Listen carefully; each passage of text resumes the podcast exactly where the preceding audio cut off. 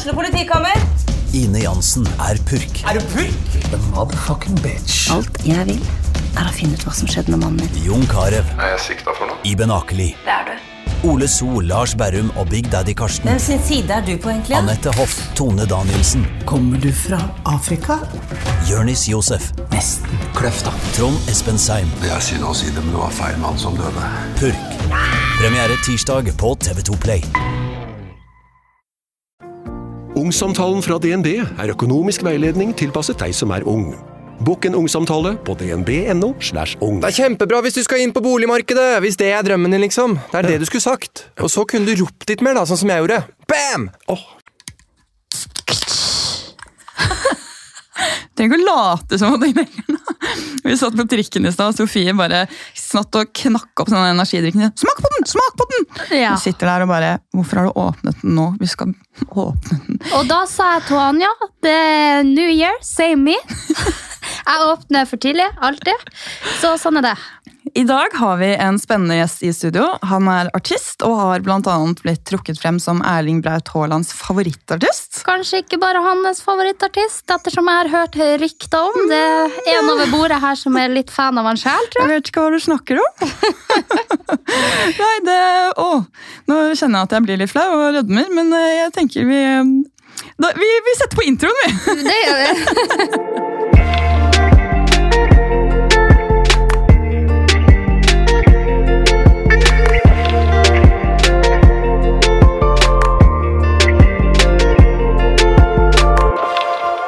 Velkommen til deg, Amara. Tusen takk. Foretrekker du at vi kaller deg Adrian eller Amara? Uh, egentlig Adrian er egentlig ingen som har kalt meg Amara noen gang. Nei, det er Før ikke det. jeg på en måte begynte med musikk og kalte meg for det. Det er sånn, du, Jeg har veldig mange kompiser som jeg kaller spesielt kompiser som jeg kaller etternavnet sitt. Mm. Sånn naturlig som et kallenavn. Men det skjedde aldri med meg. så det er egentlig litt sånn Nei. funny at jeg gjør det nå. Så rart, for alle går rundt og kaller meg Karlstad. Hæ? Nei da, det er ingen som gjør det. Nei det, nei, det er det ikke. Jeg gjør i hvert fall ikke det. Men uh, vi gleder oss jo veldig til å bli kjent med deg. Ja. Og så har vi skrevet ned fem kjappe spørsmål som jeg tenkte vi kunne starte med for å få deg litt varm i trøya. Er du klar? Jeg er klar. Ok. Vi begynner litt rolig her. Hva er den viktigste grunnen til at du ble artist? Eh, kanskje fordi musikk er noe jeg har følt at jeg var flink til i livet mitt. Av alle disse tingene man skal finne ut hva man er flink til. Så jeg tenkte at det var kanskje litt safe bet for meg å gjøre noe som jeg var flink til. Det er fint. Så kanskje derfor. Når gråt du sist?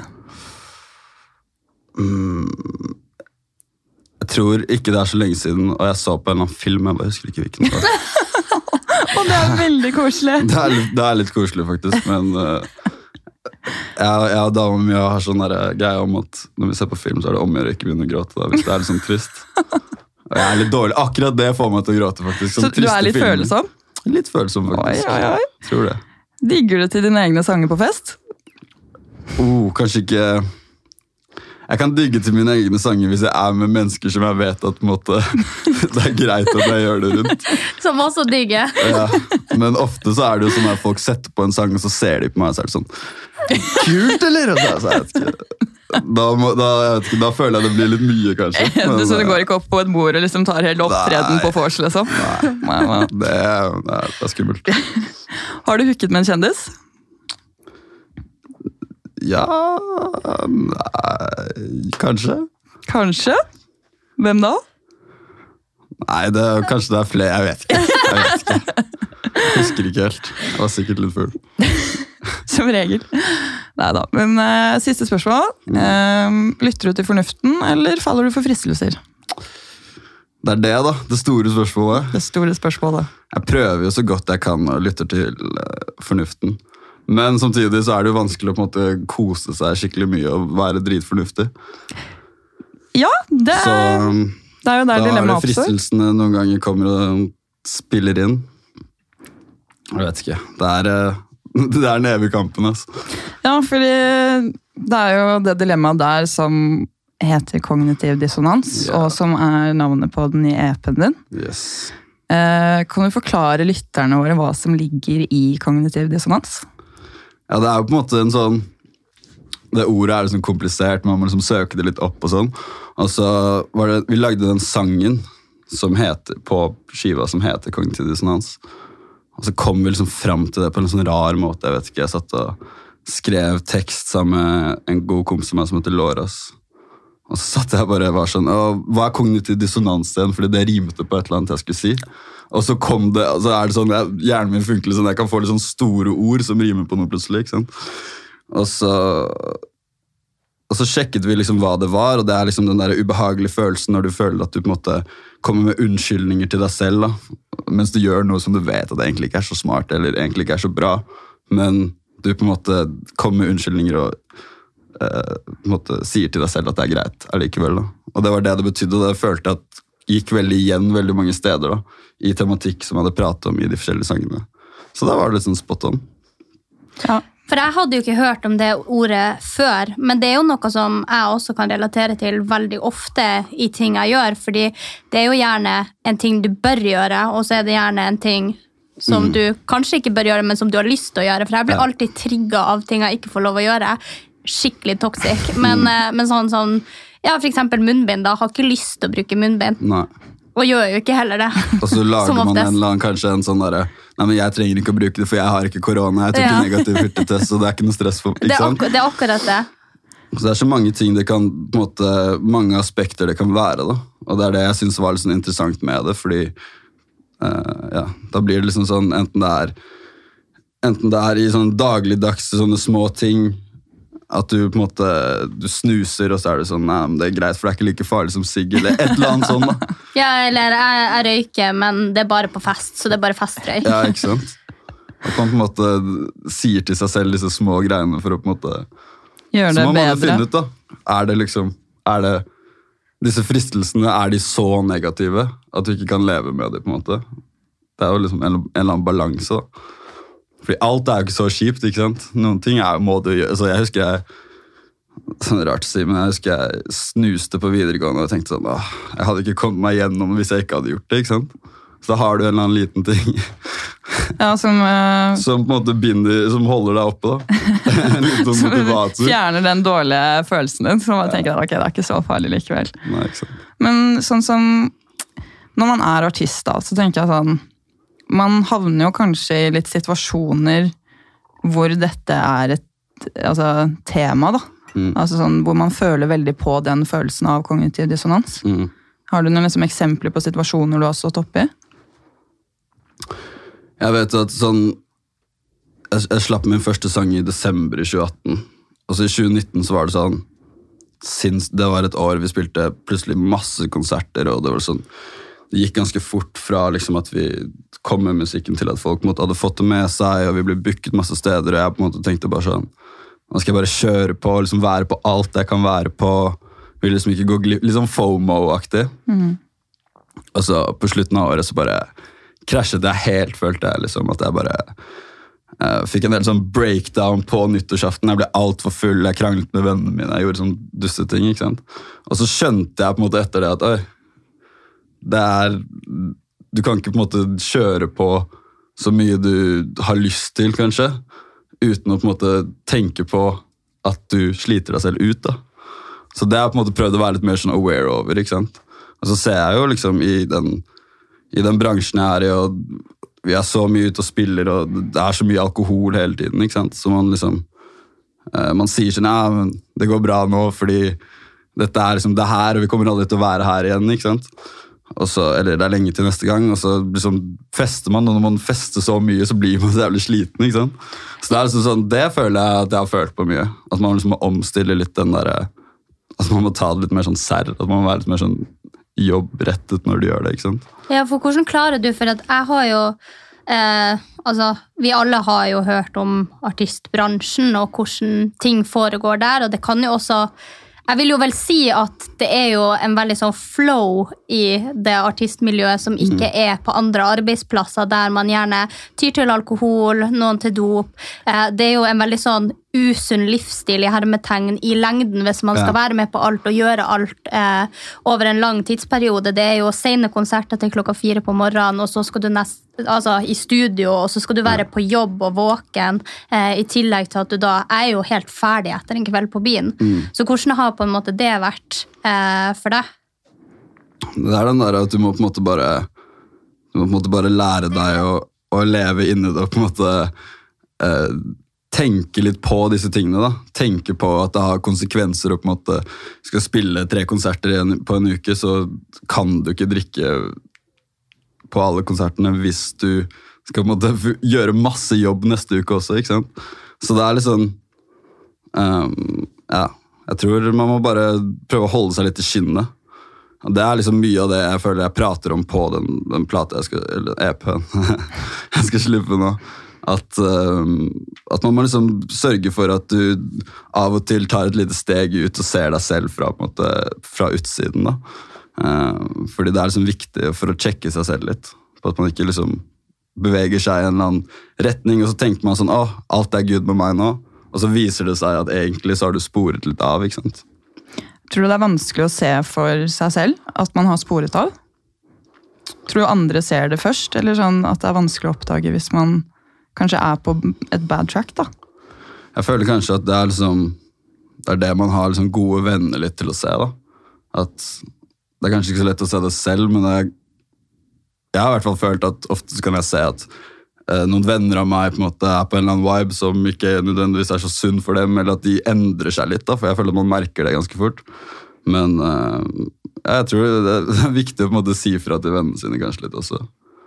Det er jo veldig, vi veldig opptatt av, da, for vi er jo veldig ofte uenige i ting med hverandre og har jo veldig innspill til hverandre. Og det tror jeg er et altså, sunt vennskap og en sunn gjeng å henge med, hvis man på en måte kan si litt ifra til hverandre også. fordi alle kan jo havne på et sånt track. Eh, om det at du er gått ut av et forhold og blir singel, eller om det er at du er permittert fra jobb, eller om du er artist. Det er liksom, alle kan havne på det sporet der, så det er jo viktig å ha folk i livet sitt som også er litt eh, på plass oppi hodet. 100% Men tror du gutter er liksom at de har en høyere terskel for å si ifra enn jenter? Sånn, snakker dere liksom mye om hvordan dere har det? og sånn Hvis dere sitter i studio en gjeng, også, liksom er, det, det åpen for at du bare faen, i dag har jeg det helt jævlig. ass. Jeg føler jeg, Nå har jeg drukket så mye, jeg føler meg helt ubrukelig. Jeg føler det, det kommer litt an på hvilken crowd du sitter med, på en måte, men, men altså, jeg er jo en sånn person som bare Jeg har ikke tid til å Jeg føler ikke at jeg har tid til å sitte og dvelle over alle ting som jeg syns er så vanskelig i livet mitt, så jeg bare prater som en foss til alle som er rundt meg, som jeg stoler på. på en måte sånn, ja, det her er det jeg tenker på, så dere må bare høre på hva jeg sier nå. Teip og greier, liksom. At jeg har en podkast til de uten at de vil høre på meg prate, men de må bare de deale de med må. det. liksom. De setter, de setter ikke på play, det er bare den går og ruller. Det er akkurat sånn, men jeg føler, altså, gut, Gutter har jo en sånn vanskeligere trang til å prate om følelser, tror jeg. Uh, men jeg vet ikke, man må bare lage et miljø der det er på en måte greit å gjøre det. da, fordi jeg tror man blir gæren hvis man ikke får sagt det man føler eller tenker om ting til andre mennesker. Da, ja, Man må nesten klare å si og prate og kommunisere. Mm. Ellers hadde jeg for jævlig gæren. Ja, men nå skal det jo også sies at du har jo også Jeg føler du har på en måte ting litt på plass, da, selv om du er artist og lever det livet du gjør. Eh, og du har jo også en kjæreste. Ja. Eh, og jeg tenker hun er sikkert også med på mye av det her og former deg og sånt. Og så lurer jeg litt på, for jeg har jo vært i sånne kjempeoffentlige forhold sjøl, og så har jeg jo syntes at det har vært veldig vanskelig. Hvordan syns du på en måte det å være artist og leve det livet du gjør, men samtidig ha en kjæreste? Jeg syns egentlig det er veldig, veldig nice. Det er en sånn fin balanse for meg, føler jeg egentlig. Fordi jeg um, jeg kan på en måte gjøre alt, jobbe, og hun, hun er spesielt en av de menneskene som får bare høre meg prate om alt det jeg tenker på hele tiden.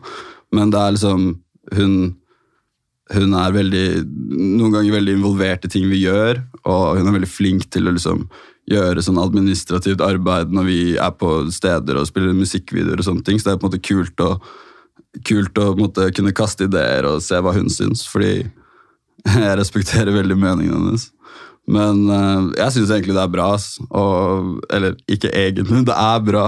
Fordi jeg, ja, det er, jeg vet at hun er der for meg, og jeg har kjent henne lenge, og vi, vi på en måte har en veldig god greie. Så det er sånn Jeg føler at det er en faktor som gjør det lettere for meg å gjøre det jeg gjør. da. At jeg ikke trenger å løpe rundt og tenke på alt annet samtidig som jeg skal jobbe. liksom. Det blir en Så- sånn safe haven på en måte.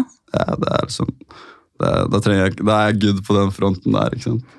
Men eh, sånn, dere er jo ikke så veldig offentlige, er dere det? Nei. Holder du henne skjult liksom litt sånn fordi du ikke orker alt det? For du- jeg regner med du får sikkert spørsmål om det. Ja, altså, jeg, jeg føler ikke at jeg holder henne skjult, jeg bare føler at eh, jeg er litt sånn derre uh, Hva skal man si? Før, hva heter det? Ikke anonym, men uh, Ja, ikke så offentlig. Jeg, jeg føler meg sånn. ikke så sånn. Jeg, jeg har sånne ting jeg syns er gøy å dele med andre, men sånne andre aspekter i livet mitt er litt sånn derre jeg, treng, jeg føler ikke jeg trenger å dele det, liksom. Fordi jeg føler at jeg har det bra. og det er nice på en måte in real life. Da, så Jeg trenger ikke å vise for noen andre at jeg har det superbra. og Se på oss, liksom. Så det tror jeg det, Jeg tror hun er liksom litt enig i det, den tankegangen der, men også litt uenig. Jeg tror hun kanskje ville at jeg skulle vært litt mer sånn aktiv på sosiale medier og sånn med de greiene. Men jeg vet ikke. Ja, det, altså, det er jo opp til enhver, men jeg, jeg kan si bare at eh, jeg, tror ikke, jeg tror ikke det lureste er, selv om kanskje jenten eller gutten da har lyst til å vises på den kjente sin Instagram, eller sånn, Ja. så, så er det ikke sunt i lengda, for at folk har bare lyst til å plukke det fra hverandre, og folk er egentlig generelt jævlig når det gjelder sånne ting. Så selv om det blir visst at du kanskje er med den dama, eh, så tror jeg det kommer veldig mange negative faktorer ut av å gjøre det som man kanskje ikke helt har tenkt på når man begynner å dele. da. Jo mer folk vet, jo mer klarer de å stikke deg. Ja, ikke sant? Jeg føler at Det er liksom plutselig et problem som du ikke trenger å ha hvis du ikke gjør det. på en måte, at du skal være så... Og så, er det jo litt sånn derre uh, Hvis det er et forhold og det er veldig sånn public, og du skal liksom, man skal poste hverandre hele tiden og på en måte vise hvor bra man har det, da, så er det litt sånn kjipt hvis det plutselig går dårlig. Hva skjer da? Skal man liksom fake det på sosiale medier, og så egentlig krangler man in real life? Og det er liksom, jeg, jeg vet ikke, jeg føler bare vi eh, vi legger ut ting av hverandre når vi har lyst til det, fordi det er koselig. liksom. Og så alt annet det er liksom bare vår, vår greie. på en måte. Jeg, jeg liker å holde det sånn. Ja, jeg er enig. Jeg syns et forhold er mellom to personer. Ja. Ja, jeg skulle ønske at jeg kunne ta litt flere bilder med min kjæreste, men Ja, han det- er, er ikke så glad i det. Så. Han er ikke så glad i det. Nei, han er ikke så glad i det. Nei, og jeg har prøvd å være fotograf. Det liker jeg. Det blir litt sånn kleine, kleine ansikter og sånn, men, men det er lov. Jeg liker ham for det. Ja. Men eh, en ting som er litt morsomt, da, fordi jeg, jeg oppdaget jo deg i 2019. Så begynte jeg å høre på musikken din. Og hvordan jeg fant ut av dette her, er jo fordi at jeg dessverre, eh, etter min egen russetid, har vært veldig opptatt av russesanger og, og rulling. Altså det som kalles da krampe. Dette Krampe. Krampe. Og der hadde jeg liksom en favorittrusseartist da, som het uh, Hillnigger. Og som jeg syns var jævlig fet. Og i 20... Nei, skal vi se, når var det? Ja? Ja, det er- husker ikke jeg, men det kom i hvert fall mange sanger jeg tenkte bare, ja, jævlig fet, alle var jævlig fete. Og så hørte jeg en random sang, og så var jeg sånn Hva? Hva? Dette her er jo helt lik stemme som Hilniger har, men han her heter Amara. Og så var jeg, og jeg gikk lenge og var bare sånn Hva er dette her for noe? Nå liksom hodet mitt spinte. Og jeg var sånn, dette må jo være samme person. Sto ingen steder! Og jeg googlet og jeg googlet og jeg googlet og jeg googlet for å prøve å finne ut av dette her. Og så til slutt så fant jeg ut av det. Kontakter, kontakter, kontakter. Ikke sant? Og da spilte det faktisk på, på Broslo i 2019, desember. Mm. Så da var jeg fikk se min eh, største artist live Mm. for første gang. Ja, for du var jo ganske fangirl. Det skal vel trekkes inn. eh, reaksjonen din.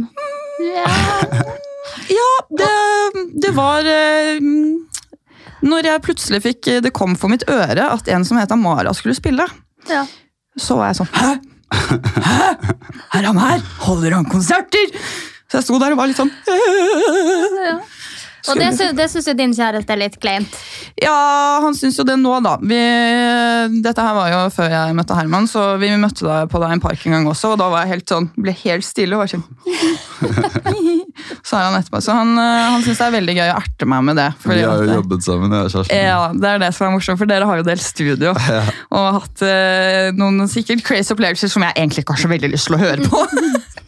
Men det er jo der hele liksom, karrieren din startet. Jeg begynte å lage russesanger, ass. Det, sånn er det, ass. Men jeg jeg, tenker- jeg, jeg begynte Hva skal du si? Jeg skal, det er jo på en måte litt fint, for jeg føler at for veldig mange i Norge så åpner det å lage russesanger da, det åpner opp for å faktisk få et større publikum, og derfra liksom komme seg videre som en artist. da. At det er liksom en, en inngang som er litt enklere enn hvis man bare skulle startet som artist fra scratch. da. Ja. Føler du, følte du det? Jeg, jeg føler det på sånn Jeg føler det på en måte, og så på en annen måte så Jeg føler at når jeg lagde russelåter, så var jeg alt, aldri så interessert i at det skulle liksom være så close til meg da, som person. Jeg var litt mer sånn der, ja, jeg kan lage sanger, og det er kult, men jeg trenger liksom ikke å, å eh, hva skal man si, være et eller annet ansikt ut og være sånn, «Å, se på meg, jeg, det er jeg som lager de sangene der. Da. Så jeg liksom begynte å lage det på, på soverommet hjemme hos mamma og pappa. Og da, altså jeg hadde begynt å lage musikk, men det, jeg føler at, at det på en måte tok så av, gjorde at jeg lagde jo så sinnssykt mye musikk, ikke sant? Og jeg fikk liksom testet så mange forskjellige sjangre, og så selv om jeg liksom at the time var veldig sånn her, nei, jeg orker ikke å egentlig bli forbindet med han og være han fyren, liksom, så er jeg ettertid ganske glad for at jeg har gjort det, fordi jeg har på en måte introdusert meg veldig sånn heavy til, at vi reiste veldig mye, vi lagde mye kul musikk, som på en måte, altså, og vi lagde så mye også, ikke sant? Så da får man jo fort inn de der 10 000, kommer man godt på vei på de 10 000 timene, ved å bare sitte og lage så og så hele tiden hver dag, tre sanger om dagen, bare sånn, det var veldig crazy. Men, eh, så derfor så følte jeg at når jeg lagde, når jeg sånn switchet over og skulle liksom komme med min egen musikk, så var det, så var jeg for det første litt sånn opptatt av at det ikke skulle være, mission var liksom ikke å få andre folk til å danse på fest lenger. Jeg følte at jeg hadde lyst til å prøve noe annet. Noe som var litt mer sånn ekte, og ikke bare være sånn der, at alt var bare fest og party hele tiden. Så jeg føler at det var liksom det som var gøy. da, At jeg kom litt mer ut og var sånn her, ok, det her er meg, det her er min musikk. Eh, her er trynet mitt, liksom. Mm. Og følelser og tanker. og Ja, liksom, bare... Det her føler jeg da, istedenfor bare at det skal være opp hele tiden. Men uh, ja, så nå er det liksom Det var det jeg på en måte begynte med litt med Amara-prosjektet mitt, som jeg kaller det. At uh, det skulle være litt mer sånn ekte heartfelt. At man skulle, skulle, at man skulle liksom kunne kanskje relatere mer til det. Enn en En russemusikk. Jeg relaterer veldig til de russelåtene. Er ikke Ja. du Ja, også, det Sofie? veldig Jo, sånn altså det, det jeg relaterer mest til, er sånn russelåter. Shaken og sånt. Det, det er meg. Men nå har du jo snakka mye om artisten Amara. Eh, men du er jo også han Adrian. Ja. Så er det liksom en person vi kanskje ikke kjenner så mye til, for du er jo ikke så veldig offentlig. Vi har jo prøvd å søke litt og finne ut litt. Eh, er det liksom, Hvem er du som person? Altså, Hvem ville du sagt at du er utenom Amara, hvis du skulle separert deg fra de? Jeg, jeg er øh, egentlig jeg, vil, jeg ser veldig på meg selv som en musiker, på en måte.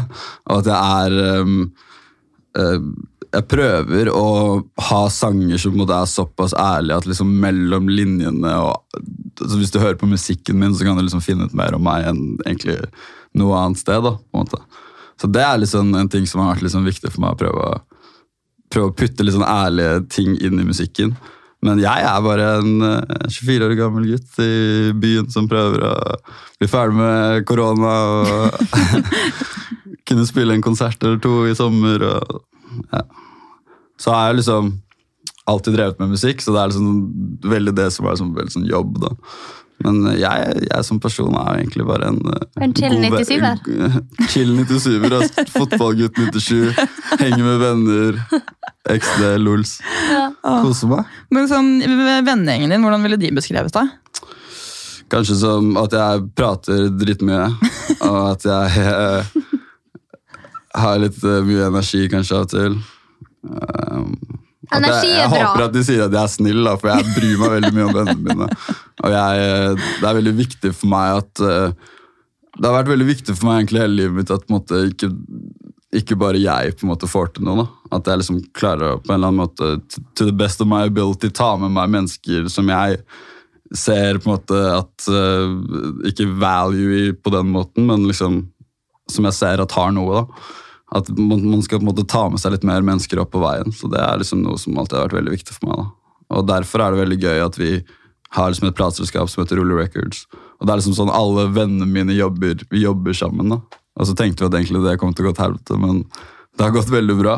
Og eh, jeg merker at det er veldig sånn deilig å jobbe med mennesker som jeg på en måte føler at forstår meg, og jeg forstår dem. Det på en måte gjør at det blir veldig sånn, det vi kan gjøre er veldig sånn autentisk til oss. da. Og vi prøver jo alltid på det, å liksom gjøre, gjøre ting som på en måte er litt sånn ærlig og uh, for the love of music og på en måte sånne ting. Det er ikke nødvendigvis at det skal på en måte slå an så jævlig med en gang, for at heller kan slå an litt sånn in the long run. ikke sant? Så det er liksom Dere prøver ikke å skrive hits, liksom? Det er ikke målet? ja, vi prøver jo, men øh, det er jo ikke alltid at de tingene som man hører på på Topp 50 i Norge, er det øh, nødvendigvis det vi har lyst til å lage. da.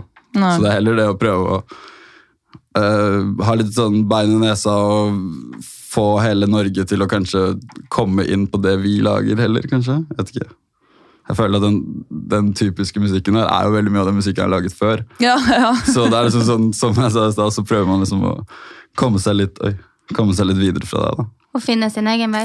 Finne Men, sin egen vei. men er du vokst opp i Oslo? Ja, Jeg vokste opp liksom på Bislett på Adamstuen, Ja, på Sankthanshaugen. det er jo der du har leilighet. Mm. Så jeg vokste opp der egentlig hele livet mitt.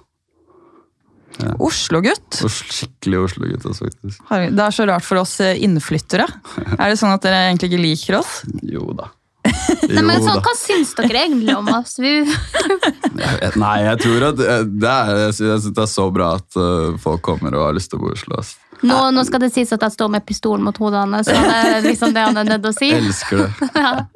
Ja, men jeg tenker, jeg også På Gol så er jo ikke vi Jeg er jo fra Gol, kjempelite sted ved Hemsedal og hyttefolk. Vi er ikke så veldig glad i byfolk som kommer på ferie, liksom. Men det er ingen som bor i bygd, og det er bare for at vi har, vi har en sånn rute som vi tenker i, og alt som kommer utenfra er stort og skummelt, så eh, Jeg det, merket det, jeg merket det, det greiene der når, jeg, når vi har vært rundt og spilt, så er det ikke alltid alle boys er så stoka for at vi er der.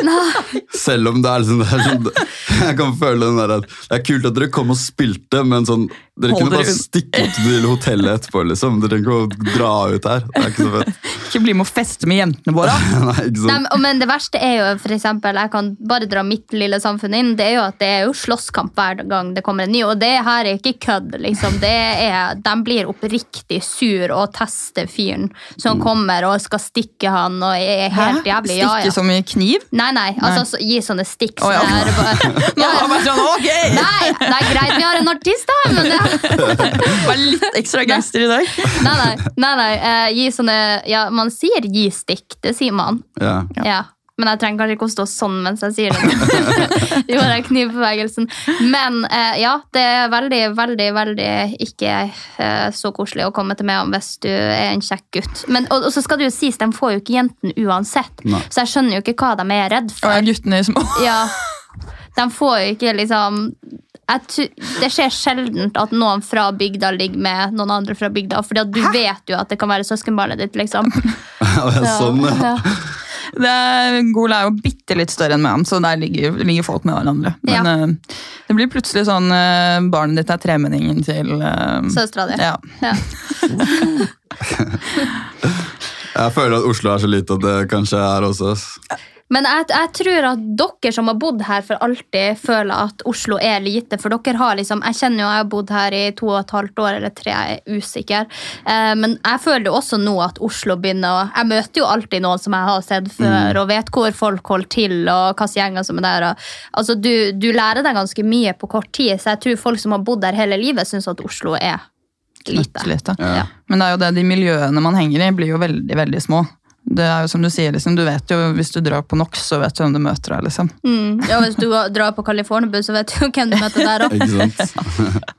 Ja, men det er, det er litt sånn det er. Altså, Det er Var det Arif sa verdens minste storby? Ja. Og det er litt sånn eh, Det er liksom sånn jeg føler det. Det er litt sånn rart når du Jeg føler De periodene der hvor folk stakk og studerte, som jeg kjente, og veldig mange var borte, da, og så kommer det veldig mange nye mennesker på en måte i den alderen der til Oslo for å studere og sånne ting. Og jeg husker at jeg tenkte sånn det var veldig mange av vennene mine som var på en måte ute, mens vi gutta som har jobbet sammen, alltid liksom har vært så å si i byen. på en måte. Og da merker man veldig sånn her, oh shit, plutselig så drar man på steder man er vant til å dra, og så møter du bare en helt annen type med, gjeng med mennesker, liksom, og så blir man helt sånn der, disorientert i sin egen, sitt eget nabolag, fordi plutselig så, så er ingen av de folka som du er vant til at er der, da. Så det er litt sånn rart. Vi Du er kommer bare sånn. Gamla var ikke sånn her for tre dager Hva siden. skjedde, hva skjedde nå? Men det er litt gøy også, at, at det på en måte er litt sånn eh, sesongbasert utskiftning av mennesker. Ja, du angående sesongbasert eh, Hva du kalte det? Sesong- Utskiftning? Utskiftning. Jeg kommer på sånne store ord, ja, hvor drar alle kjekke gutter etter november? For det lurer jeg på. Hæ? For etter november så forsvinner alle kjekke gutter. I Oslo? Ja, Og så kommer de tilbake sånn rundt mai en gang. Hæ? Ja, jo, mm. Kanskje det er fordi kjekke gutter ikke liker snø. ja, det må det være. De må dra til De er som, eh, som eh, trekkfuglene. De trekker til Syden når, eh, når november og desember kommer. Det tror jeg, fordi at jeg seriøst ser så mye pene folk ute i Oslo. Nå skal ikke jeg si at de jeg ikke møter nå, er pene, men det er veldig mye mindre folk. Kan ikke ha noe med liksom sånn, uh, ditt humør å gjøre òg, da. På sommeren så er du sykt glad og lystig, og liksom, da ser alle penere ut, men nå som det er grått og stygt og kjipt, så bare ser du på alle bare faen, du er stygg. Ja, Eller så kan det jo være at du ser jo mye mer lyse, og nå er det jo bare mørkt, så det kan jo være at man ikke ser folk. Men, eh, men generelt så syns jeg faktisk eh, sesongbasert i Oslo at jeg skjønner ikke hvor alle menneskene kommer fra i mai. Kanskje du bare syns at gutter ikke ser så bra ut i vinterklær. Ja, det kan Oi, være det. oi, oi, Nei, jeg tror ikke det. Altså, du ser om de er kjekke er, eller ikke. sånn, det er jo en sånn greie at uh, alltid når det går fra liksom sommer til å bli høst og vinter, så blir alle sånn Åh, faen, og så kommer alle jentene med de store jakkene. Det er liksom, Hva ser, hva ser man ikke det øgsa. lenger, Man skjuler seg litt mer, liksom. Vet ikke. Ja, det er faktisk... Kanskje at du, liksom, du bare ser ansiktet deres, og da er det liksom Du er ikke tieren i ansiktet. Men på sommeren så er ser det liksom andre ting som hjelper til. ikke sant? Looken drar opp ansiktet ditt, egentlig. Ja. Ellers er alle sure om Ja, vinteren. men jeg tror bare folk ikke går ut på vinteren. Jeg tror folk eh, holder seg hjemme og ikke Det kan jo også ha noe med at folk ikke har ferie å gjøre. Nå har jo ikke jeg tenkt så veldig langt, men jeg syns seriøst at mesteparten av folk kan forsvinne rundt november-ish. Kanskje bare alle har vært i karantene. Ja, Det kan... Jeg har ikke lagt merke til dette fenomenet før, men uh, Legg merke til det. det er Mai. sikkert ja. I'll tell you. Ja. Jeg vet om en gjeng med kjekke gutter som skal dra veldig snart vekk fra Vi skal til LA. Om, hvor lenge er det? Ti dager? Uff, ti dager. Jeg gleder Å, Oh, herregud, hvor lenge blir dere borte? Til mars. Sånn seks eller syv fy søren, vær så snill. Altså, jeg, vi, har, vi har snakket i alle disse dagene her om hvor kjipt det er med mørke og snø. Ikke, det er, men det er ikke snø engang! Nei, det er ikke snø. Det Det er er, regn og glatt is. Ja, det, Glatt vi holdt jo alle på å gå på trynet utenfor Det var en studiet. skøytebane, slett. Og det kan jeg bare si til dere som har tenkt å kjøpe dere moonboots. Don't. Fordi eh, noe glattere enn det finner du ikke. Ikke engang skøyter går så bra på, eh, på glattisen som moonboots gjør. Man får sånne brodder. Ja, Eller faktisk gå med sånne staver som sånn eldre damer går med. Det er altså Ser du alle begynner å gå med staver i Oslo. Det Jeg tror faktisk hadde funket. Altså. ja. Ja. Men så er det jævlig kjipt med dem som går med brodder og så bare spaserer dem inn på forskjellige for eksempel restauranter og eh, Man kan jo ta sånn. de av seg, da, Ja, men folk gjør ikke det. Du Anja. gjør ikke det. Nei, jeg gjør ikke det, men jeg har ikke brodder heller. Men, eh, men vi, hadde, vi hadde akkurat lagt gulv eh, hjemme hos oss, eh, tregulv, og så kom det ei dame inn på brodder. Og de broddestikkene der, de er fortsatt i gulvet.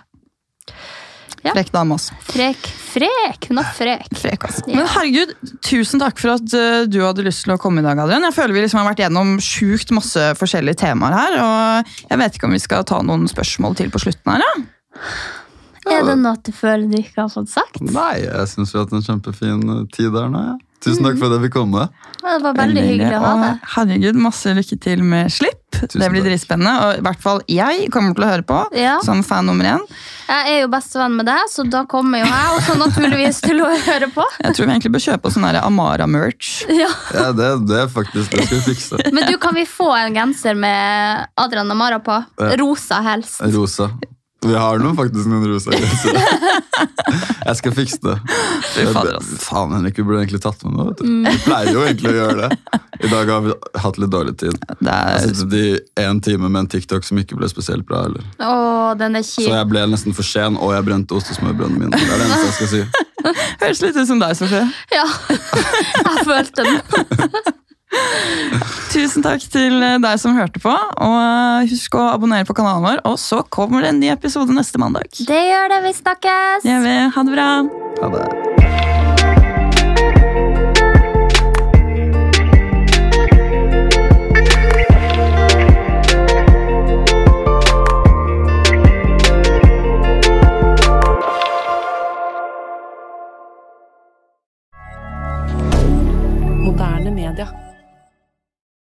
Har du et enkeltpersonforetak eller en liten bedrift? Da er du sikkert lei av å høre meg snakke om hvor enkelt det er med kvitteringer og bilag i fiken, så vi eh, gir oss her, vi.